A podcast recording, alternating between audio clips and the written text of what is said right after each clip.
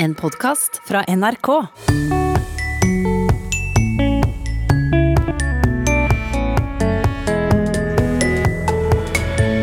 Vi lytter mer og mer til bøker, opplest av trente skuespillerstemmer. Lars Mytting vil lese sjøl på kav dialekt. De sier oss og messom og lugom og koffat, men vi er nødt til å tilpasse noe inn, inni der, så det ikke skal bli helt uforståelig. Språkteigens lille latinskole tar for seg alfabetet, og vi kaster oss bokstavelig talt hodestups ut i lytterspørsmåla i dag. Det er bra at vi har hovedet først, men når hovedet ikke er på toppen av ekslene, men at det går rett fram og du ikke har styring, da veit vi at da, da går det gale. Lytting på lydbøker er i voldsom vekst, og oftest leses bøkene inn av profesjonelle skuespillere på enten bokmål eller nynorsk, sjelden på dialekt. Lars Myttings bestselger Søsterklokkene for eksempel ble lest inn på bokmål av Kai Remlov. Men den nyeste boka har han valgt å lese inn sjøl, på klingende fåvangmål fra Gudbrandsdalen. Dialekt er i vinden, mener han, men kan det skremme bort lytteren? Sikkert. og det er vanskeligere å følge, sjølsagt er det det. Så nei, nei derfor, derfor stås i våget. Det er ikke bare lett å oversette fra bokmål til dialekt på direkten. Du kunne ikke begripe åssen Ollis Hvordan har du da åssen eller Olles? Ollesen kunne ha blåst helt hit, men det, det, ta, det blir for kraftig igjen. Men det er det Lars Mytting gjør når han nå leser inn sin nye roman 'Hekneveven' som lydbok. Veldig vanskelig. Vi må simultanoversette til gangbare ord på, på døl. Jeg... Den forrige romanen hans 'Søsterklokkene' ble lest inn på bokmål av en skuespiller. De sier oss og messom og lugom og koffat, men Nå hadde forfatteren fra Fåvang i Ringebu lyst og tid til å lese inn sjøl. På døl. Forlaget hadde lyst til, å, lyst til å gjøre det, og så syntes vi at det var på tide å prøve. For, fordi at dialekt har en sterkere plass nå enn det hadde for, for 20 år siden. Og så hører i kringkastinga, og så hører f.eks. politikere tør å bruke sin egen dialekt. Og en annen artig effekt er jo at vi hører yngre folk har vondt for å skrive bokmål på tekstmeldinga, men de skriver gjerne dialekt. Og det, det, tror jeg har gjort oss uh, mer bevisst. Både synet at det er brukende, både muntlig og skriftlig, den formen, men òg gir en identitet og en bevissthet. Det er jo ikke så vanlig, men vi får veldig positive tilbakemeldinger de gangene vi gjør det. De siste åra har omsetninga på papirbøker gått ned, mens strømming av lydbøker har økt kraftig sier produksjonssjef Stine Lyseggen i Lydbokforlaget. En drastisk økning for de nye strømmetjenester og fokus på lyd og ulikt lydinnhold som podkaster osv., så, videre, så øker jo, øker jo antall lyttere som hører lydbok også betraktelig. Men av de flere tusen lydbøkene som gis ut, er de fleste på bokmål eller nynorsk. De færreste på dialekt. Den rareste effekten er at der det er utabygdsfolk og utlendinger så må jeg knote, da må jeg prøve å prate bokmål. Og det er jeg ikke så god til. Så han hører vel at det knoter. Men dermed så snur det på seg. Og det gir en slags underlegenhet da, til dem som ikke er fra bygda. Mens bygdefolket og bygdefortelleren får de sterkeste kortene. For det er mitt eget, uh, mitt eget mål. Så jeg er kanskje større på det. Så det snur på det. For i, når, når, jeg i skriftlig bruker dialekt, så virker det litt underlegent bokmålet. For det har sin autoritet og sitt, sin oppfyllelse av et sett med regler. Slik at det virker støtt som det er den rette fasiten. Mens dialekt i bok er en, er en farlig øvelse. Og det virker, kan virke som om da står underlegente. Men her syns jeg det blir det motsatte. Når jeg da knoter, så blir jeg underlegen megafortellerstemme på, på dialekt. Mytting er jo utrolig flink. Han oversetter jo, uh, om man kan kalle det det, da, til dølamål underveis fra manus. Sier Stig Slettvold, som er produsent i lydbokforlaget for Lars Mytting. Det, det, du kommer nærmere på uh, materialet og, og, nærmere på selve historien. da. Når han uh, gjør det om til, uh, til dialekten sin. Jeg prater det, jeg prater det Ringbu Fåvang-målet som er vokst opp med på, på 70- og 80-tallet. Forfatteren sier enkelte dialektord kan bli helt uforståelige for mange. Derfor må han tilpasse noen ord. Fordi hvis en begynner å gå inn med for kraftige markører, så blir det et for stort brudd i, i, det skriftlige. Jeg kunne ha skrevet kavdøl på, på dialekten deres, men det tar seg ikke godt ut i hop med fortellerstemma og den andre dialogen. Så det er mer en liten ekstra varme da, som er lagt inn i noen få ord. Jeg er nødt til å tilpasse noe inn, inni der, så det ikke skal bli helt uforståelig. Så jeg, jeg, må jo velge bort noen ord som, som de hardeste dialektforkjemperne vil si at jeg har småjuksa her og der for å gjøre det, gjøre det mer forståelig. Men, men det, det, er bevisst. Det må jeg bare gjøre summetida. Stine Lysheggen i Lydbokforlaget sier manuset bestemmer om dialektbruk fungerer i lydbok. I Myttings bok 'Hekneveven' er handlinga i Gudbrandsdalen. Da gir dialektbruken troverdighet, sier hun. Jeg syns han fungerer kjempefint. Og jeg syns det er artig med at det er eller liksom passer veldig godt at det er på den dialekta. Og hvis det er noen ord jeg ikke forstår, så, opp, liksom. Hun sier det viktigste er om opplesinga er god, og er ikke redd dialektbruken skal skremme vekk lyttere. Jeg tror ikke det, altså. Jeg tror snarere at det gir boka en merverdi, og hvis det er et og annet ord man lurer på, da, så forhåpentligvis så skjønner man da sammenhengen. Ellers så går det vel an å google i dag. Jeg har kolossal respekt for hvordan skuespillere kan endre stemma og tilpasse seg og være de forskjellige personene i bok. Det, det får ikke jeg til. Så det, det må, bare, må, bare, være.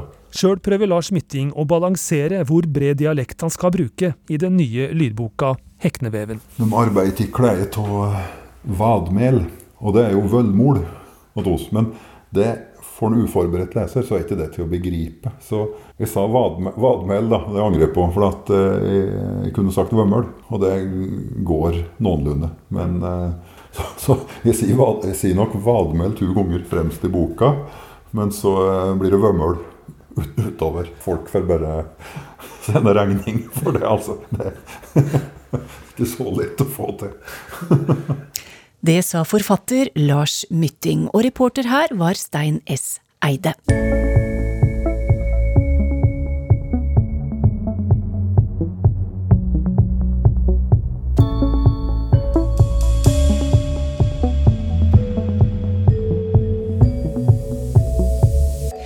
Alfabetet står på timeplanen i Språkteigens lille latinskole i dag.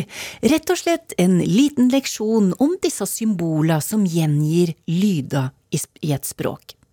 Vibeke Roggen er fast lærer i latinskolen og til daglig førsteamanuensis i latin ved Universitetet i Oslo. Og Vibeke, hvor langt tilbake i tid skal vi for å finne det latinske alfabetet? Vi må i hvert fall tilbake til syvende århundre før Kristus. De første latinske innskriftene er datert så langt tilbake. Så det, det, latinske alfabetet er jo det vi bruker i dag i store deler av verden, og deriblant Norge. Og når kom det hit eh, cirka? Eh, det kom hit rundt år 1000 eh, med kristendommen. Før det brukte man runealfabetet her. Og det var vel en viss overlapping etterpå også. Det latinske alfabetet er utbredt, som du sier, men hvor kom det fra? Eh, det var greske kolonister som kom til Italia. Eh, man mener det var i 8. århundre før Kristus, og de kom jo da med gresk språk, gammelgresk. Platons språk, eksempel.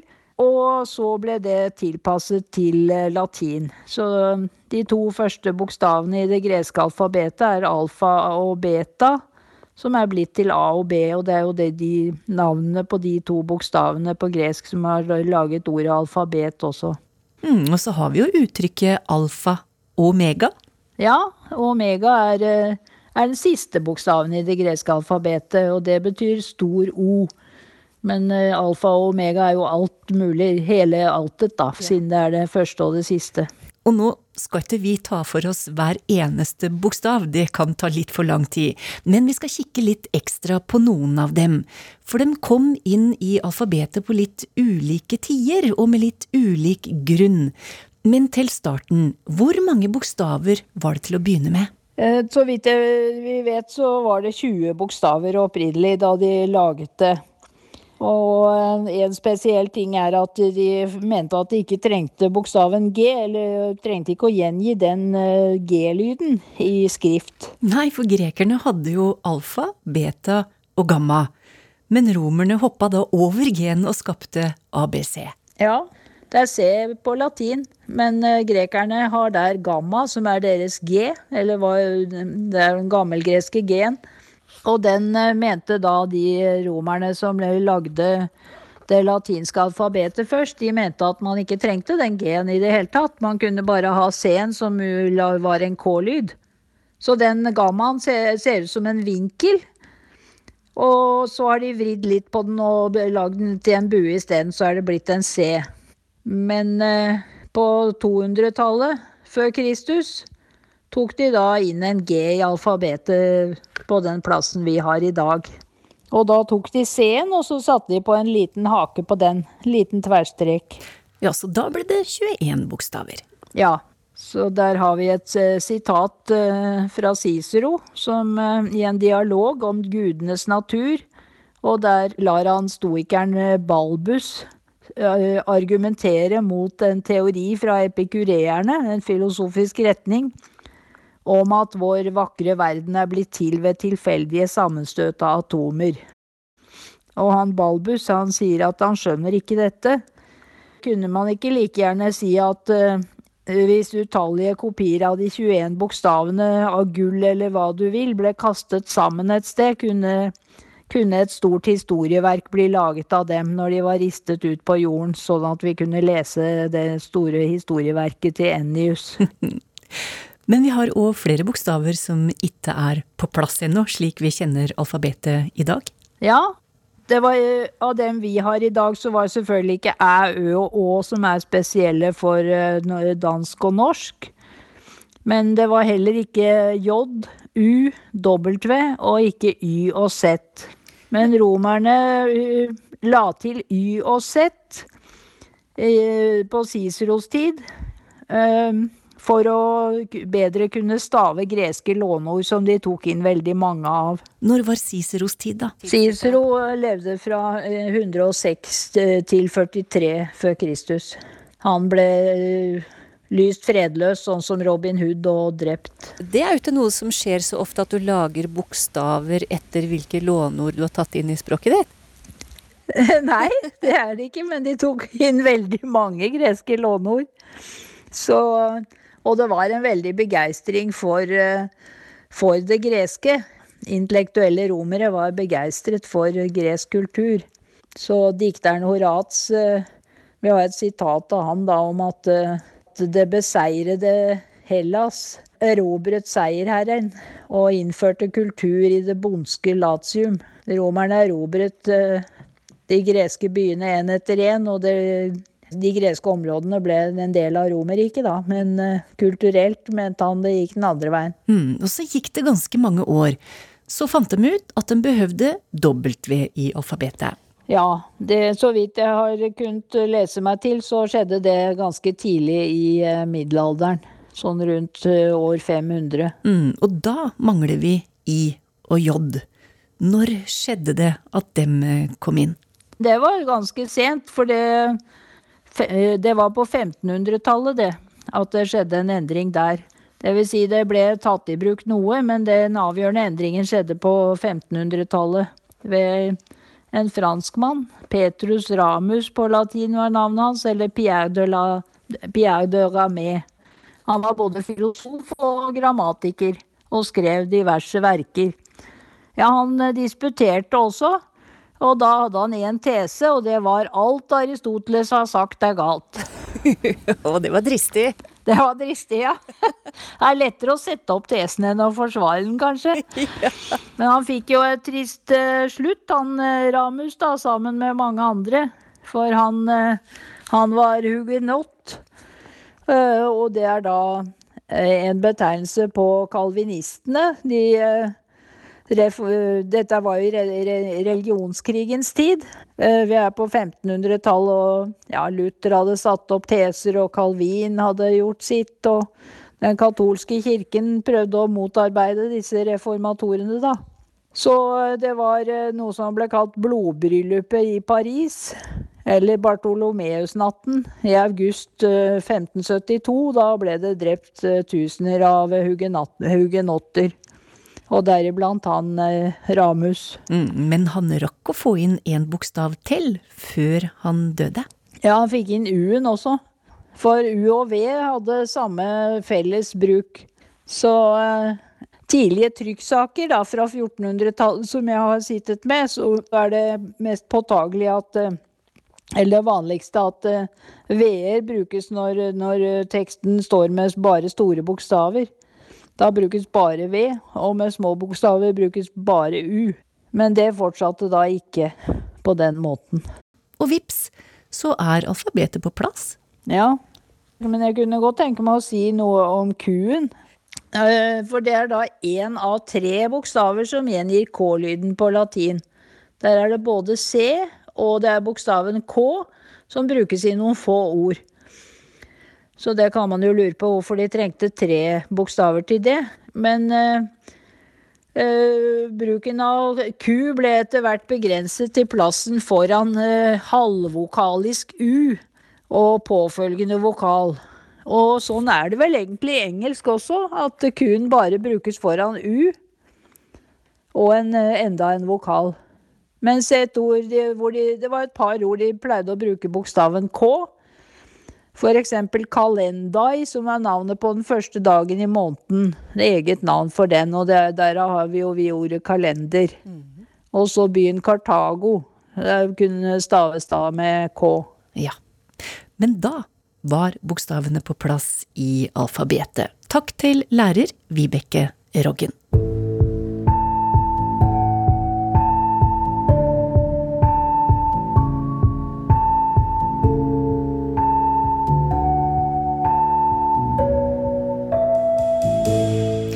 Skal ha lytterspørsmål i Språkteigen, og da er det veldig hyggelig å endelig se hei til deg igjen, Sylfest Lomheim. Ja. Nå er det mange lyttere som har savna deg.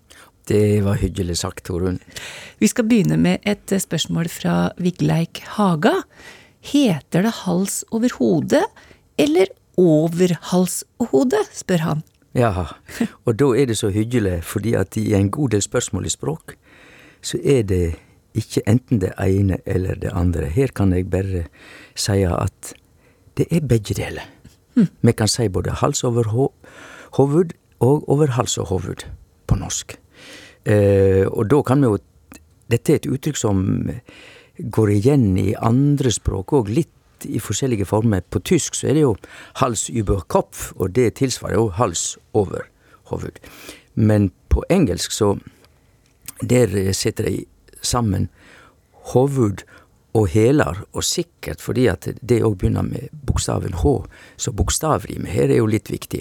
Så på engelsk er det head and heels. Da ser du liksom at en person kommer ut døra omtrent med hovedet først og hovedstups. Og det er jo det som er egentlig essensen i dette uttrykket. Vi må ha litt fantasi visuelt sett og se på hvordan dette går hals over hode. Ja. Eller hals og hode. Det kommer i ett, liksom. Det er ikke styr på noe. For det er det det egentlig betyr? At det er ja. litt sånn bardust? Og, ja. ja. Det, er, det, er, ikke styr på noe. Det er hovedstups. Eh, med hovedet først. Og det er bra at vi har hovedet først, men når hovedet ikke er på toppen av ekslene, men at det går rett fram og du ikke har styring, da veit vi at da, da er det dramatisk. Da går det gale. Min far, som var født på 1920, ga stadig blaffen. Nylig hørte jeg helseministeren benytte begrepet i aktuell smittesammenheng. Og for meg så kjennes det som et slektskap til blaff, som intetkjønnsord, altså et blaff, men da stemmer ikke kjønnet. Noen etymologisk, grammatisk forklaring til blaffen, og eventuelt slektskap til blaffet, spør Morten Solerød Hagen. Ja, hvem var det? Eh, var det helseministeren som hadde gitt blaffen, var det det? Han sa det i en pressekonferanse i slutten av september, og da sa han det på denne måten her. Det hjelper jo ikke med kompetente kommuneleger og smarte smittesporingsteam hvis folk flest gir blaffen. Men folk flest gir ikke blaffen. Folk flest tar ansvar. Ja, nettopp. Ja. Og da eh, Han er jo fra en eh, hyggelig landsdel, Rogaland, mener jeg. Og, Og da har han kanskje ikke vært klar over at han har stått der og banna. Uff da. Fordi at sannsynligvis er blaffen ei forkorting og egentlig ei forskjønning av blankfaen. Ops. Så blir det blaffen. Og derfor har spørjaren rett her, fordi at eh, eh, blaffen ender jo på en. Ja. Og da passer det ikke med ett blaff, altså et lysglimt, så det er helt sikkert, det kan han bare glemme. Men det er sannsynligvis blanke faen. Og, og faen er jo et uh, artig ord, for det, det er òg ei forkorting for fanden. Og det er meninga med det ordet, fanden, skal nok være en som er ein frestar, som frestar deg med noe. Så jeg trodde jo lenge, men nå veit jeg jo bedre, jeg trodde jo at fanden og fienden var i slekt.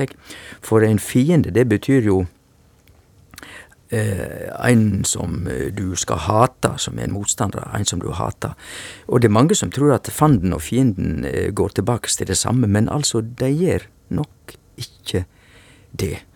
Og derimot Satan, som høres så stygt ut, det er liksom litt penere, for det betyr bare motstander. Det er jo et hebraisk ord. Satan.